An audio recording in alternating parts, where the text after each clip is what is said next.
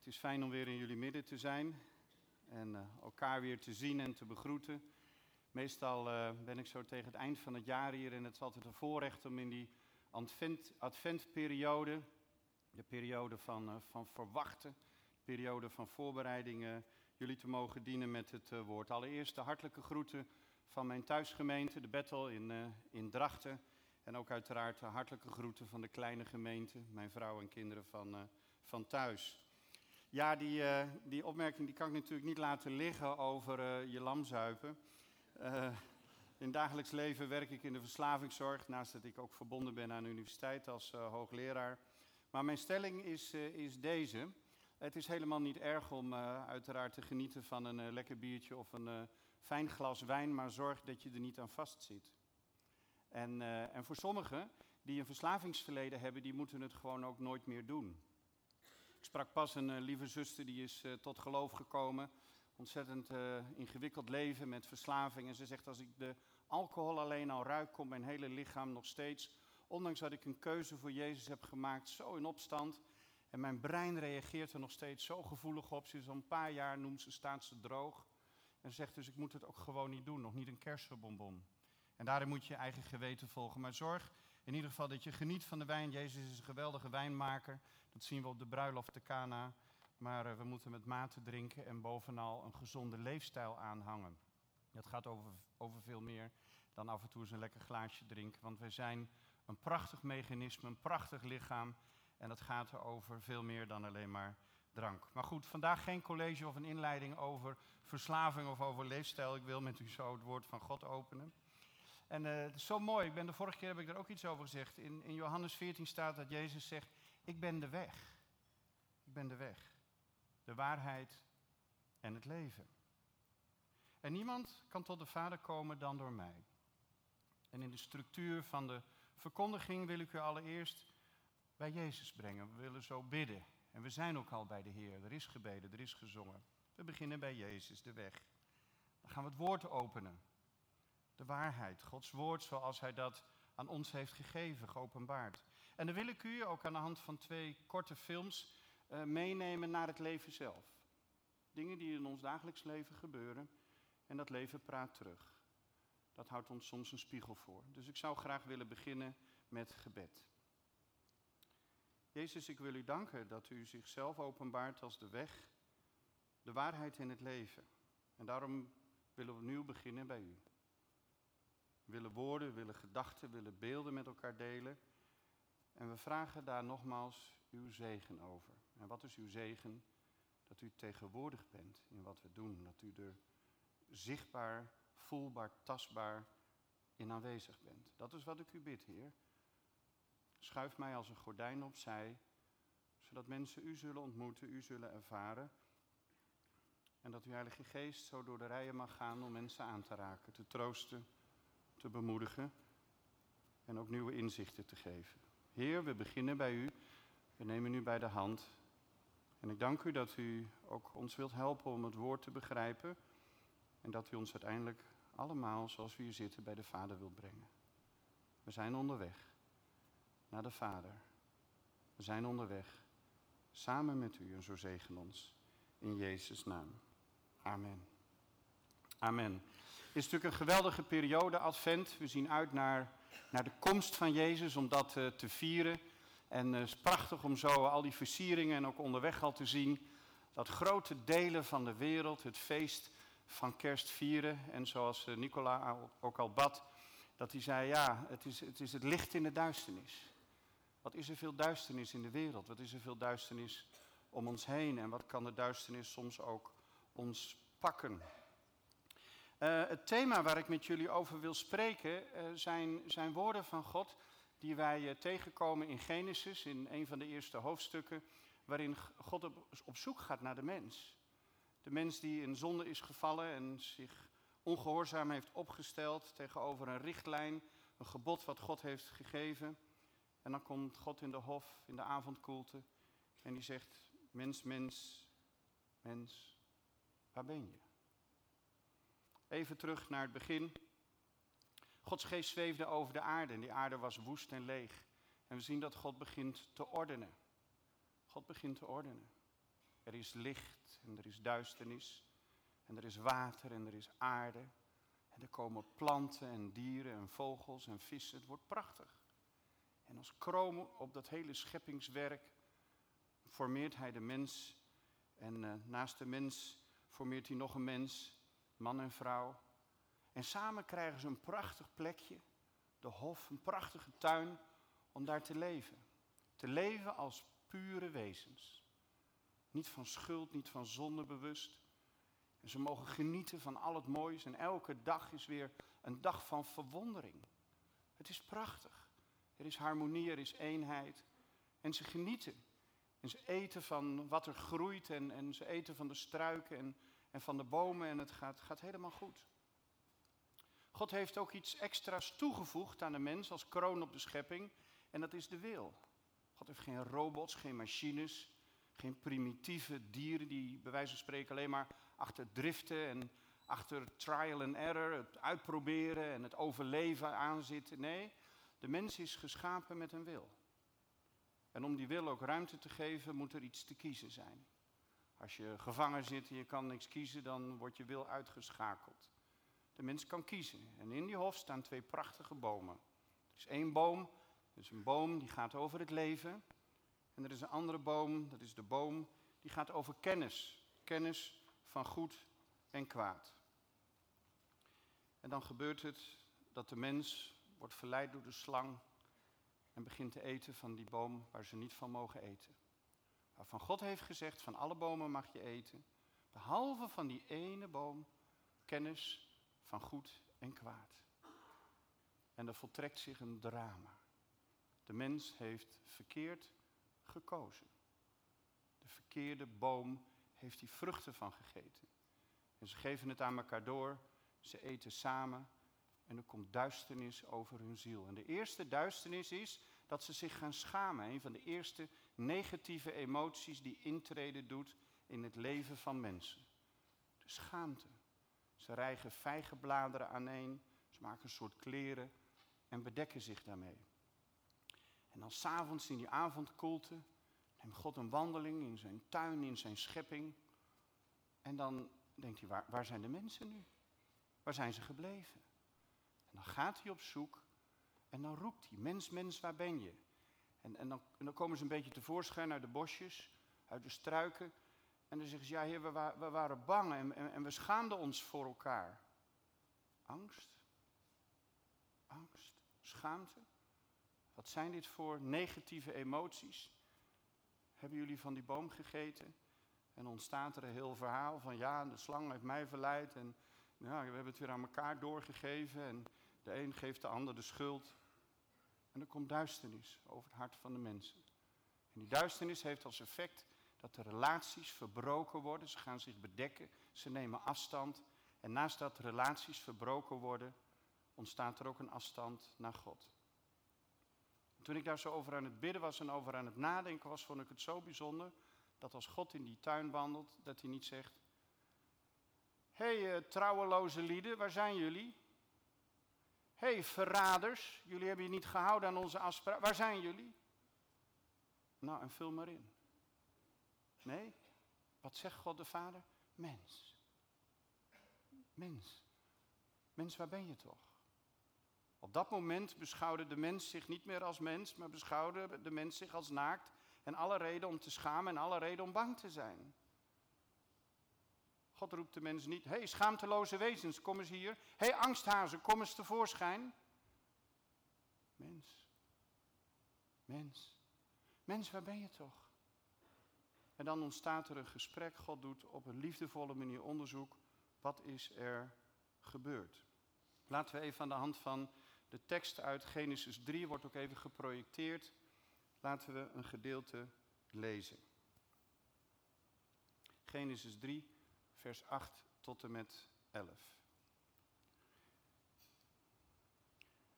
Toen zij het geluid van de Heere God hoorden, die in de hof wandelde, in de avondkoelte, verborg de mens en zijn vrouw zich voor de Heere, tussen het geboomte in de hof. En de Heere God riep de mens tot zich en zeide tot hem, waar zijt gij? En hij zeide, toen ik uw geluid in de hof hoorde, werd ik bevreesd, want ik ben naakt en daarom verborg ik mij. En hij zeide, Wie heeft u te kennen gegeven dat gij naakt zijt? Hebt gij van de boom gegeten waarvan ik u verboden had te eten? Het is gruwelijk misgegaan. Mensen hebben hun wil op een verkeerde manier ingezet. Ze hebben iets geconsumeerd. Ze zijn verleid door de slang, door de Satan. En de schaamte en de angst die treedt in. De eerste negatieve emoties zijn angst en schaamte. De mens werd een angstig wezen. Al het pure, al het mooie, al het schone, al het naïeve zou je kunnen zeggen. Dat was in één keer weg. Nu, dit mechanisme, lieve mensen, dat kennen we nog steeds. Ook deze emoties kennen we nog steeds. We kunnen ons soms zo diep schamen.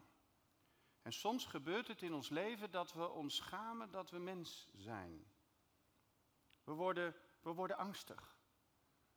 Angstig omdat we iets gedaan hebben waarvan we nooit hadden gedacht dat wij dat zouden kunnen doen. We schamen ons.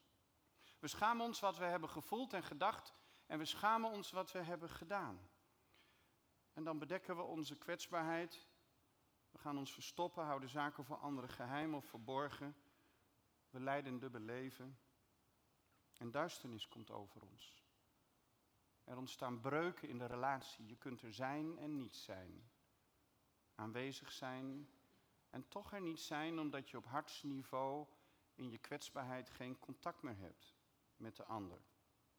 En er ontstaat een breuk naar je naaste en ook in je geloofsleven. Wat kunnen we ons soms schamen?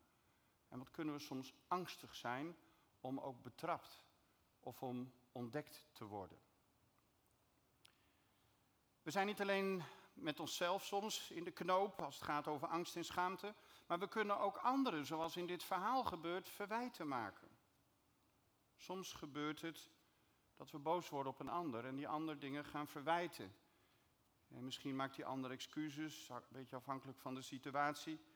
Nou, ik heb het niet verkeerd gedaan, maar het, het, eh, ja, het kwam daartoe. Uh, die slang heeft me verleid.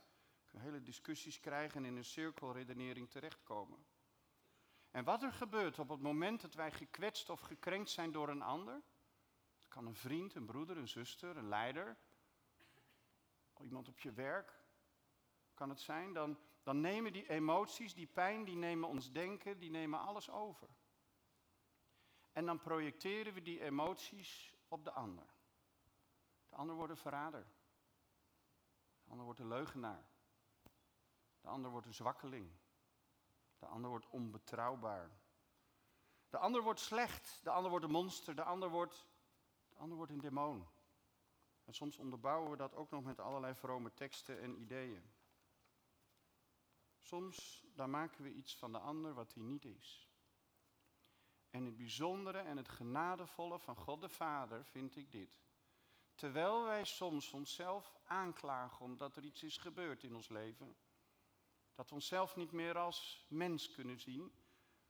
En soms kunnen we de ander ook niet meer als mens zien, omdat hij ons heeft pijn gedaan of teleurgesteld. Misschien als kind heeft je vader iets aangedaan, of je moeder, of een broer, of een zus, of collega, of op school gepest of afgewezen. Dan is het Gods stem die zonder verwijt zegt mens. Mens, mens, waar ben je? Jezus is in de wereld gekomen om die echo van God de Vader voort te zetten. Mens, mens, waar ben je? Ik wil zo met jullie even kort naar een filmpje kijken om dit te illustreren. Wij als mensen hebben behoefte om gezien te worden als mensen. Klinkt heel logisch. En die behoefte die is er al ingebakken als we heel jong zijn. Nog maar een paar maanden oud. Dan willen we gezien, gehoord worden als mens. Niet als een categorie, niet vanuit een negatieve blik, maar als mens. En soms gaat het al heel vroeg in ons leven mis. Dan worden we niet gezien als mens. Sommigen hebben het misschien ervaren of weten het. Die zijn van kinds af aan niet geliefd. Waren een lastige categorie. Een ongelukje. Ik hoorde pas iemand zeggen waar de kinderen bij waren. Ja, ik had twee keer een ongelukje. Ik had twee keer een ongelukje. Dan zit je daar naast de moeder die zegt een ongelukje. Nee, daar zitten twee prachtkinderen. Twee mensen. En ik wil jullie aan de hand van het filmpje laten zien wat er in ons leven of wat in het leven van een ander kan gebeuren als een moeder, een baby, een kind niet meer ziet als mens. En wat voor een impact dat heeft op dat kleine mensje, die baby. Laten we de film even starten en ik geef ook wel even aan wanneer we hem kunnen stilzetten. Babies this young are extremely responsive to the emotions and the reactivity and the social interaction that they get from the world around them. This is something that we started studying oh, 30, 40 years ago when people didn't think that infants could engage in social interaction. In the still face experiment, what the mother did was she sits down and she's playing with her baby who's about a year of age. I'm like a girl. Oh. And she gives a greeting to the baby, the baby gives a greeting back to her. Yeah. This baby starts pointing at different places in the world, and the mother's trying to engage her and play with her. They're working to coordinate their emotions and their intentions, what they want to do in the world. And that's really what the baby is used to. And then we ask the mother to not respond to the baby. The baby very quickly picks up on this. And then she uses all of her abilities to try and get the mother back. She smiles at the mother. She points because she's used to the mother looking where she points. The baby puts both hands up in front of her and says, What's happening here? She makes that screechy sound at the mother, like, Come on, why aren't we doing this? Even in this two minutes, when they don't get the normal reaction, they react with negative emotions, they turn away, they feel the stress of it, they actually may lose control of their posture because of the stress that they're experiencing. Okay. Okay. I'm here. And what are you doing? Oh, yes. Oh, what a big girl. It's a little like the good, the bad, and the ugly. We kunnen hem stopzetten Good. Indrukwekkend filmpje. Waarbij een kind van amper één jaar tegenover een moeder zit en wat we zien is emotieregulatie. Het is oké, het is goed, er is harmonie. En de emoties van het kleine kindje die kunnen hun weg vinden in een grapje, in lachen, in contact, in genegenheid, in voelen, in denken. In, en, en dat gaat goed. Emoties reguleren we vanuit het contact.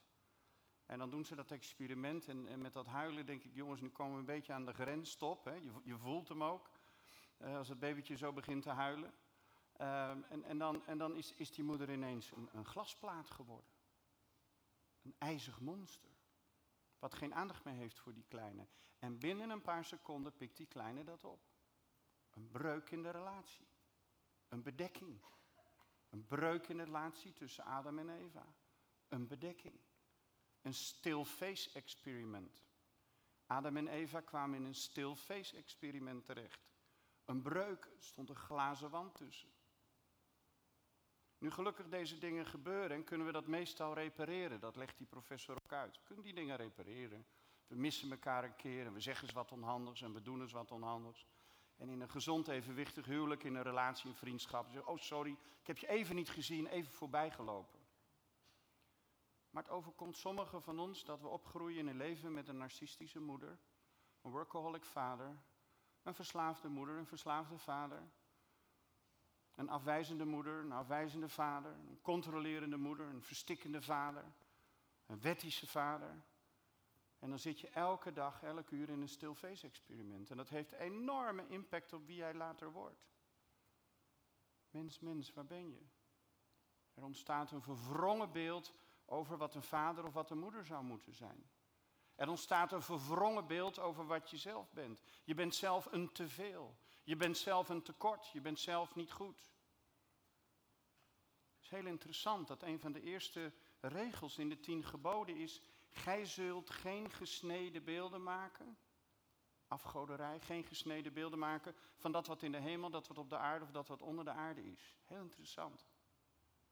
Weet u wat er gebeurt op het moment dat wij zo'n verwrongen beeld krijgen, dat dat ontstaat over de schoonheid en de compleetheid van de mens, wordt ineens een moeder of ik of een andere monster. Wij maken gesneden beelden. En wat kunnen we vastzitten aan beelden over een ander? Wat kunnen we nog pijn beleven aan het beeld van een ander? Onze vader, onze moeder, onze broer, onze zus, die ons pijn hebben gedaan. Laten we even naar een volgende dia gaan. Ja, mag naar de volgende. Ik wil jullie weer even meenemen naar het leven zelf. Want het gaat niet altijd zo fijn zoals dat ging in dit eerste filmpje tussen die moeder en dat babytje. Waarin dat beeld werd hersteld, dat het weer goed kwam. Um, dit is een film, uh, duurt even een paar minuten. Van uh, twee uh, mensen met Joodse achtergrond overigens, Ulay en Marina. Twee kunstenaars, een beetje gekke kunstenaars. Die, die maakten zichzelf tot een kunstwerk. Dat heet performance. Nou, ze zochten daar wel een beetje de grenzen op en ze, ze liepen af en toe joelend door een ruimte. Kun je van alles van vinden. Maar er gebeurt iets, iets, iets heel naars. Beroemde kunstenaars verdienen veel geld. En een hele kunstenaarsgemeenschap daaromheen. Ik weet dit, ik ben een kind van twee kunstenaars, dus ik werd altijd wel een beetje in die kunstwereld meegenomen. En deze mensen, ondanks hun liefde en hun passie voor hun vak en performance, dat zijn kleine toneelstukjes opvoeren in een ruimte. Dus je bent zelf een soort kunstwerk. Deze mensen krijgen verschrikkelijke ruzie. Verschrikkelijke ruzie. Haat en nijd. En er komen advocaten bij en er worden tonnen over en weer geclaimd. En die kunstenaarsgemeenschap die hun zo bewonderde om hun ideeën en de spiegel die ze de samenleving voorhouden, die scheurt ook in tweeën. Ulay en Marina die gaan uit elkaar. Twintig jaar haat en nijd. Ze kunnen elkaar niet meer zien als mens. Ze zien elkaar als, als een monster. Als een demon. Twintig jaar pijn. Ulay woont in Amsterdam, is een fotograaf. En Marina in Amerika. En ieder is zo zijn eigen weg. En die gemeenschap is ook gescheurd. Lieve mensen, als er een breuk in een relatie ontstaat, dan scheurt er vaak ook iets in die omgeving. En er was veel verdriet. En advocaten die waren maar in de weer. En het hield maar niet op, de herrie. En het gedonder. En op een goede dag is Marina weer bezig met een van haar kunstprojecten. En die doet een experiment. In het gedachtegoed, ik heb daar wel eens over gesproken hier, van Emmanuel Levinas. Wat is het hoogste wat je de medemens kan bieden? Is een ontmoeting van een aangezicht tot aangezicht. Zonder oordelen, zonder meningen, zonder opinies. Gewoon een stille ontmoeting in verwondering. De ander zien zoals die is. Niet meer en niet minder. Hoe weinig doen we dat eigenlijk? Dat was haar statement. Hoe weinig kijken we naar elkaar om te zien wie de ander is. Mens, mens, waar ben je? Even terug naar het filmpje. Het is gruwelijk misgegaan. Twintig jaar lang. Haat en nijd en pijn. En dan zit Marina daar in New York in een galerie. En dan zit ze in die ruimte met een prachtige jurk aan. En te wachten. En om de zoveel minuten komt er iemand voor haar zitten. Om elkaar te ontmoeten. In stille verwondering de mens te zien. Zonder woorden, zonder oordeel. Wat zij niet weet, is dat er een hele bijzondere gast komt. Olai. Laten we kijken wat er gebeurt. Kan het geen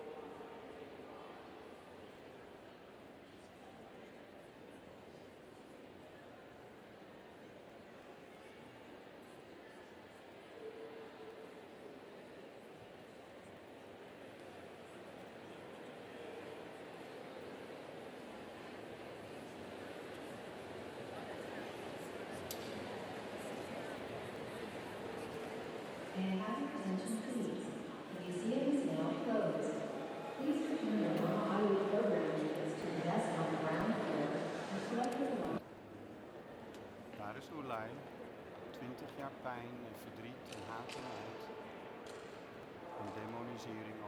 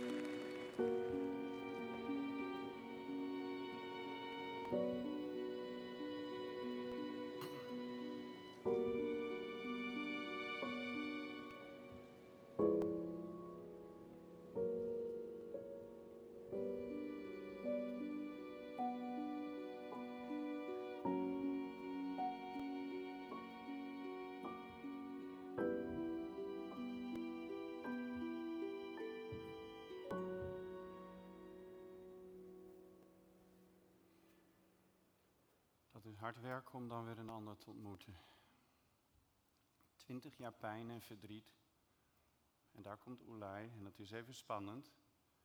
Het is goed gekomen tussen die twee. En dit was het startmoment. En wat was het startmoment? Mekaar zien als mens. Mens, mens, waar ben je? Mens, mens, waar ben je? Oh ja, en er is ook pijn en er is ook verdriet en er is ook verwijt. Maar de mens is meer dan zijn zonde en tekortkomingen en nare karaktertrekken.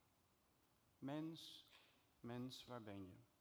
In een interview later wordt aan Oelai gevraagd waarom is hij uiteindelijk gegaan. Hij zei, ik werd ziek van de liefde die ik nog steeds voor de voelde. Maar alle boosheid die er als een schil overheen lag. Alle duisternis die er als een schil overheen lag. En ik moest daaruit zien te komen. Weet je wat we vaak doen als er zo'n pijnlijke breuk ontstaat in gezinnen, in relaties of in gemeentes of anders? Dan vinden we dat we dingen moeten uitpraten. Dan gaan we dingen uitpraten. En weet u waar uitpraten vaak in verzand? In elkaar overtuigen van iemands gelijk. We gaan dan nog verder om dat beeld nog iets te verfijnen van die ander. Dan gaan we iemand verwijten. Iemand zeggen dat hij het niet heeft begrepen. Of dat het iemand zijn plaats niet is om zo tegen papa en mama te doen. Of dat je een waardeloze echtgenoot bent. Of allerlei etiketten.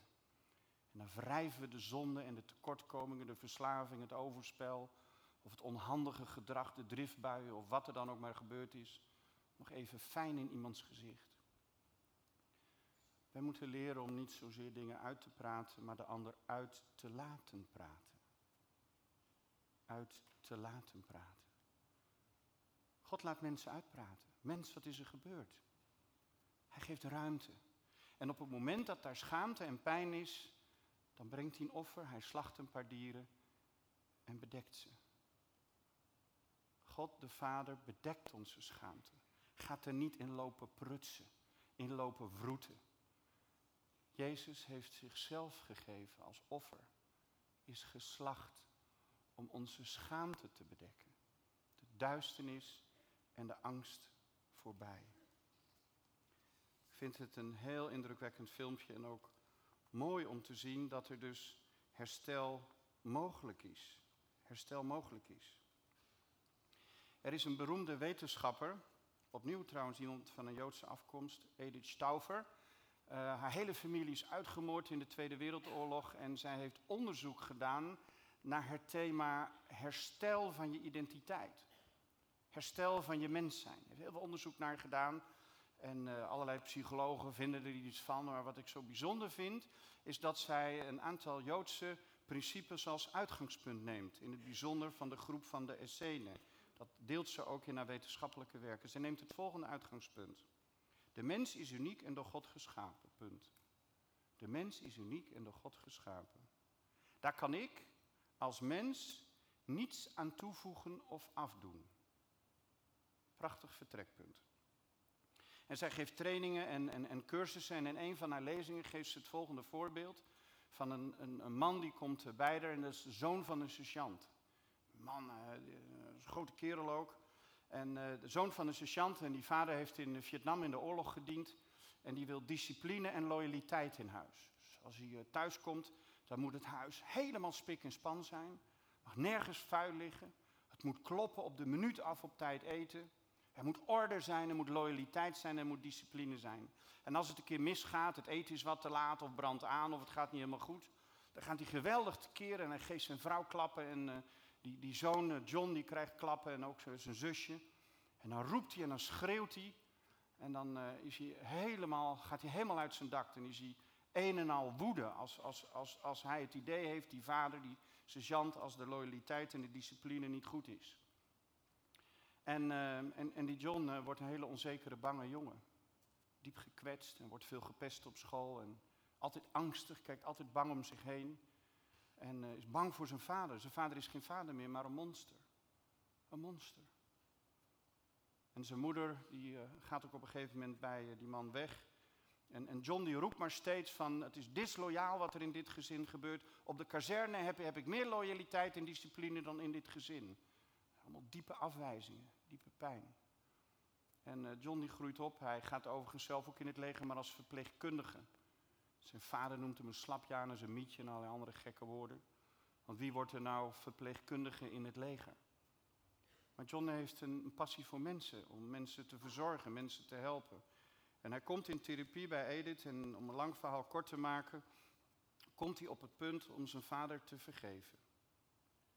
En hij heeft dat gebed uitgeschreven en ik wil dat met u delen. Het uitgangspunt van Edith, haar theorie is dat vergeving is een keuze. Is niet een gevoel. En nog iets anders, voor vergeving heb je de ander niet nodig. Je hebt de ander niet nodig. Niet de ander hoeft ineens aardig te doen. Vergeving is een keuze en is een act of your will. God heeft onze wil gegeven. Het gebed van John. De zoon die zo gekwetst is, gekrenkt is en zijn hele leven loopt op een gegeven moment vast in alcohol, in, in echtscheiding, in gedoe. Dan komt hij bij die therapeut en dan komt hij op dat punt om te vergeven. God, ik besluit om met uw hulp mijn vader te vergeven. Prachtige openingszin. God, ik besluit om met uw hulp mijn vader te vergeven. Vader, ik vergeef je de woede. Het geschreeuw en de pijn die je mij als kind hebt, hebt aangedaan. Ik vergeef je welke gevolgen dat heeft gehad voor mama, mijn zusje en mij. Ik vergeef je alles wat je ons mij hebt aangedaan. Vader, ik vergeef het en ik laat het los. Dat is het ideaalbeeld wat ik van een vader heb. Ik geef ook het beeld van een monster op. Ik laat dat los. Ik wil je zien als een uniek mens, nog steeds onvolmaakt, maar onderweg, zoals ik zelf, onderweg naar Gods liefde om mens te worden. Ik besluit vandaag om je te vergeven, papa. En dan komt een tweede deel. Ik dank je, papa, voor de zonnige kant. Het leven dat je mij en de anderen hebt gegeven. Je stond vaak voor ons klaar, hebt ons beschermd, gevoed en onderkomen gegeven. Je hebt mij discipline bijgebracht en wat loyaliteit is, ook al heb ik dat in eerste instantie niet goed begrepen. Ik dank je, vader, dat je ook een zonnige kant hebt. Een kant die ik nu nog alleen door de ogen van God, de Vader, kan en wil zien. God is licht en kan geen schaduw zien. Amen. We hebben twee prachtige sleutels gekregen om die breuk in relaties en die breuk naar God de Vader te herstellen. De eerste sleutel is Jezus zelf. Licht in de duisternis. Als ons hart duister is geworden vanwege zonde, vanwege een breuk naar de ander in onze relaties of hoe dan ook, dan kan daar licht over schijnen. Komen we tot inzicht. En ik bid dat God licht over ons leven laat schijnen in deze periode. Om dingen op te ruimen. Om dingen aan de kant te zetten, om dingen achter ons te laten. En de tweede sleutel die we hebben gekregen is om de ander in Jezus' naam te vergeven. En weet u wat vergeving is? Weet u wat vergeving in essentie is?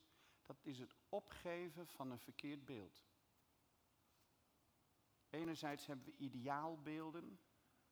De perfecte vader en moeder. Nou, als je daar je ouders aan vasthoudt, zul je altijd teleurgesteld en boos blijven. Soms dan hangen we elkaar ook op aan een ideaalbeeld als echtgenoot of echtgenote. Of de perfecte prediker of de perfecte bijbelleraar of de perfecte zangleider. Dat zijn allemaal mensen. En wat kunnen we onnodig een verwrongen beeld creëren door iemand op een voetstuk te zetten en er ideaal van te maken en we doen we een ander tekort. De andere kant is dat we een negatief beeld van iemand maken. Zeker als iemand een keer gestruikeld is. Dus hebben we allemaal beelden over elkaar. En weet u wat beelden maken is? Is afgoderij. Want je gaat die beelden dienen, je gaat er naar leven, je gaat er naar reageren. Je bevestigt de duisternis. En waarom is Jezus in deze wereld gekomen? Om licht te brengen. Licht in de duisternis en specifiek in die duisternis, daar waar er een breuk is ontstaan tussen mensen onderling en tussen mensen en God de Vader. En er is herstel mogelijk. Je hebt de ander niet per se nodig om te vergeven. Je hebt de ander niet nodig om uit dat stilface-experiment te stappen. Laten we kijken naar die mooie tekst uit Jesaja 9, vers 5 tot en met 6. Even naar de volgende dia. Want een kind is ons geboren, is een geweldige profetie. Een zoon is ons gegeven. En de heerschappij rust op zijn schouders en men noemt hem wonderbare raadsman, sterke God, eeuwige vader, vredevorst. Groot zal de heerschappij zijn en eindeloos de vrede op de troon van David en over zijn koninkrijk.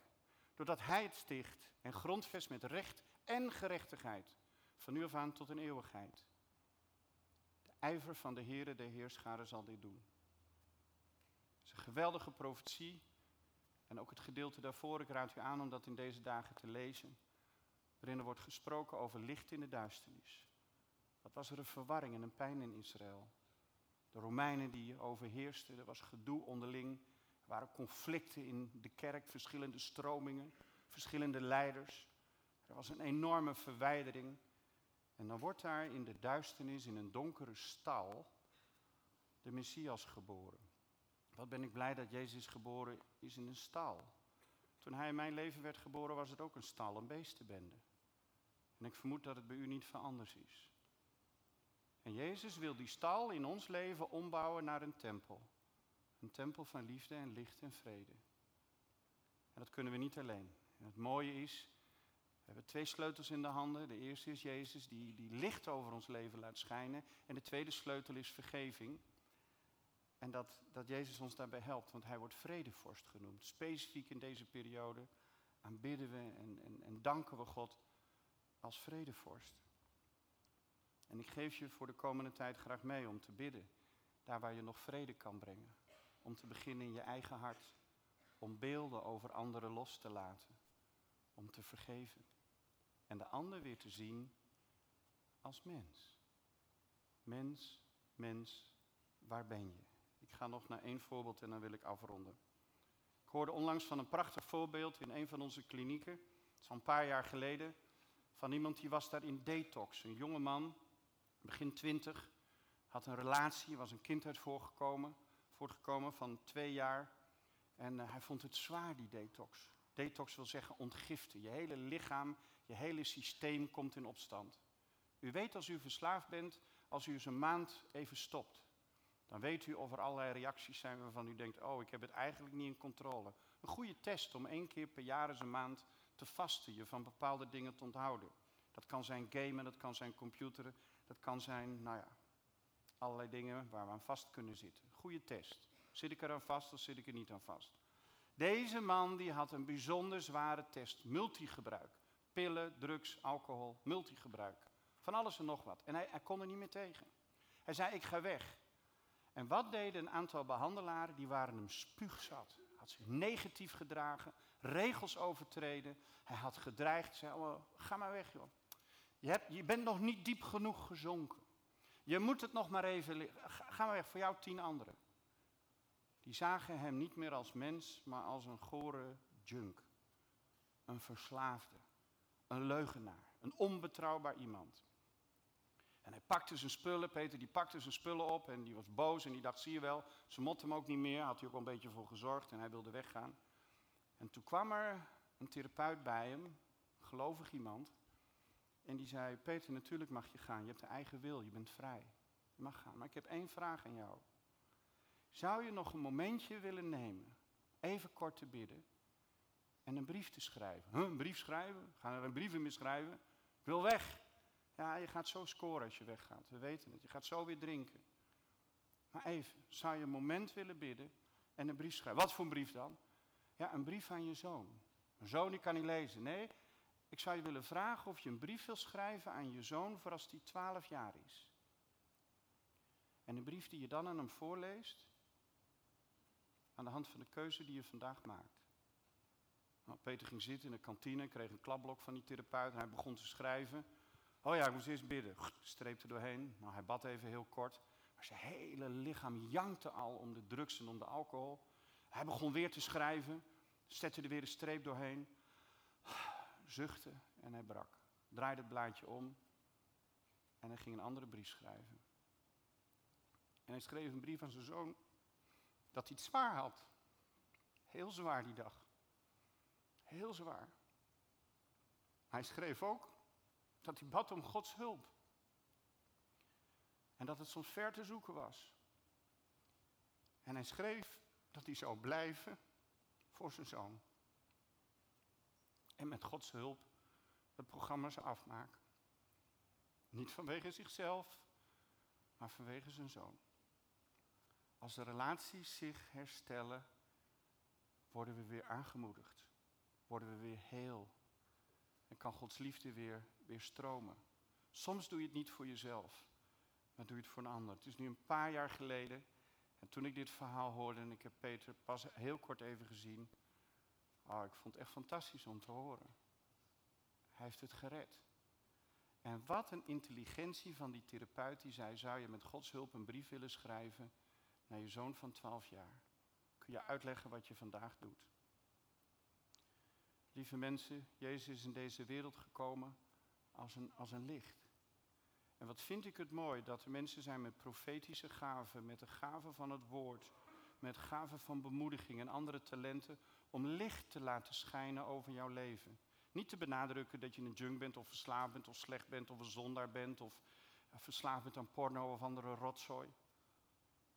Maar dat ze in jouw leven gaan benadrukken dat je mens bent. En dat je met Gods hulp steeds meer mens mag worden en al die negatieve beelden achter je mag laten. Beelden die je hebt over anderen en beelden die je hebt over jezelf. Jezus is gekomen in een wereld van duisternis. Licht in de duisternis. En de stem van de Vader, zoals die klonk in de Hof van Ede, lieve broeders en zusters, klinkt ook vandaag hier in Leeuwarden. Mens, mens, waar ben je? En laten we met kerst mild zijn voor elkaar. Elkaar vanuit Gods liefde bekijken. Elkaar aanmoedigen en bemoedigen. Elkaar niet veroordelen. Denk aan die balk en splinter. Hoef het kwaad niet, niet te verdoezelen. Maar we zijn in eerste instantie mens. En misschien, lieve mensen, moeten we met kerst niet zozeer dingen gaan uitpraten. Maar moeten we even naar een broeder of zuster of een partner of een ex-partner of een kind toe. En alleen maar zeggen, mag ik je even vasthouden? En zeg dan, in Jezus' naam, wat ben jij toch een mooi, uniek mens. En dat is wat jullie zijn. Amen. Zullen we een ogenblik stil zijn voor gebed en dan kan ook de muziek naar voren komen, piano.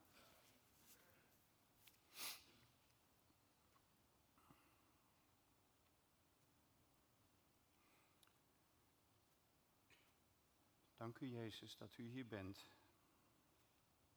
Zoals de stem van God de Vader. Ik ben de weg, de waarheid en het leven. En niemand komt tot de Vader dan door mij, zegt u. En ik dank u dat u het woord met ons hebt geopend. Dat u licht laat schijnen over ons leven. En dat u ook plekken aanwijst die nog donker of duister zijn. Daar waar we vastzitten aan negatieve beelden over onszelf, aan negatieve beelden over een ander. En ik dank u, Jezus, dat u in deze wereld bent gekomen om licht te geven. Heer, laat uw licht schijnen over de over ons, over mij.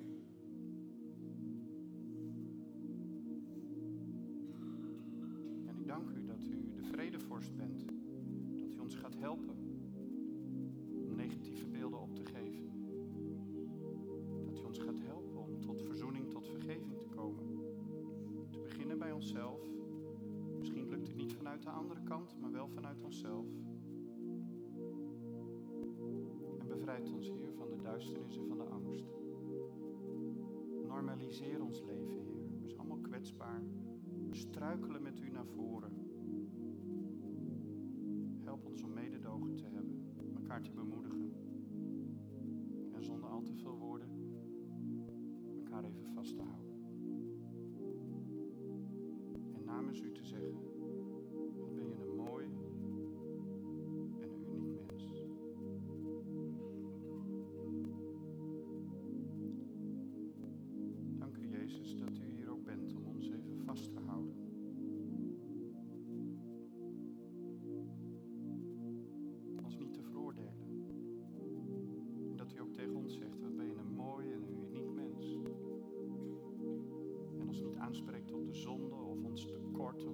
karakter. Of waar we in zijn gefaald in onze loopbaan of in ons huwelijk of in ons gezin.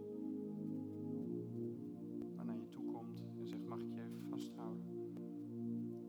Wat ben je een mooi en uniek mens. En als jou dat betreft, dan wil ik nog afsluiten om daar bijzonder voor te bidden. Dan mag je gewoon even je handen openen en op schoot leggen. En we kunnen straks ook nog bidden bij de op schoot leggen en dan ga ik vanaf deze plek voor je bidden als je aangesproken bent door het woord. En zegt, Heer, er is een stuk duisternis over mijn leven en ook schaamte. En ik leg het voor u neer. Vader, u kent onze harten en ook ik open mijn handen.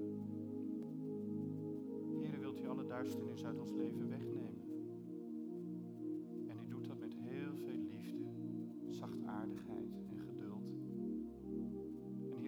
Bevrijdt ons van negatieve beelden over onszelf.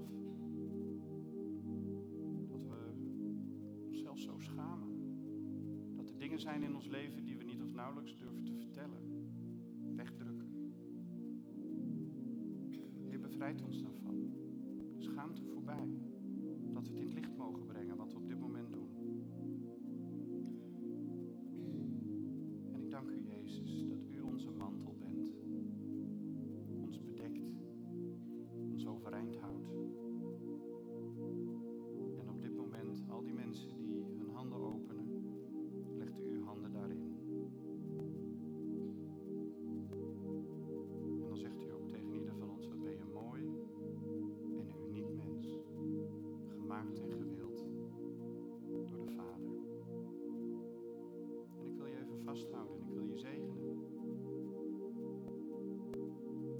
vaker vasthouden.